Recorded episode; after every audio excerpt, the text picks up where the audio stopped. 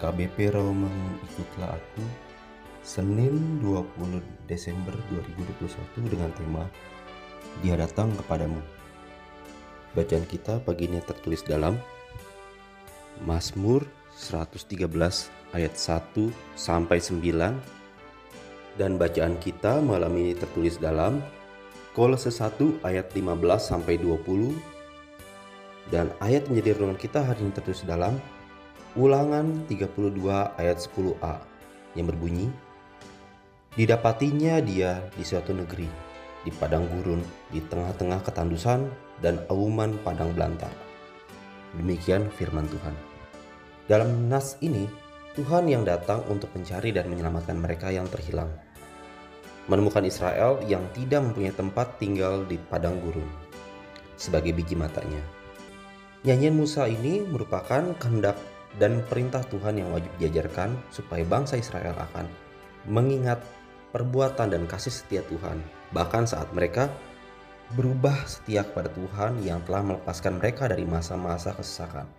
Tuhan mau setiap dari kita menyadari hal ini bahwa kasih setianya tidak akan pernah beranjak sekalipun manusia berubah setia dan selalu berlaku serong padanya. Tuhan menganggap kita bagikan biji matanya, yang artinya kita berharga dan mulia dan sangat dikasihinya. Bahkan, bukti nyata ia tunjukkan melalui kedatangan Yesus Kristus yang adalah firman Allah yang hidup. Datang ke dunia menjadi manusia untuk menyelamatkan setiap dari kita yang adalah umat berdosa. Jika Tuhan sudah menjanjikan sebuah jaminan pemeliharaan yang sama pentingnya seperti melindungi biji matanya sendiri, maka itu artinya kita tidak perlu khawatir, tidak perlu ragu, tidak perlu takut dalam menatap hari depan. Begitu berharganya kita di mata Tuhan.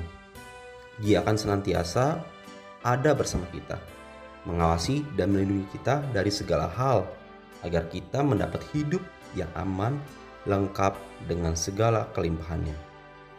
Apa pun yang kita hadapi hari ini, yakinlah bahwa kita akan selalu menjadi biji mata Tuhan sampai kapan pun. Praise the Lord. Marilah kita berdoa.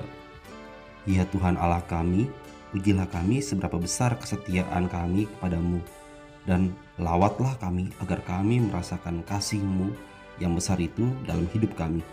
Amin.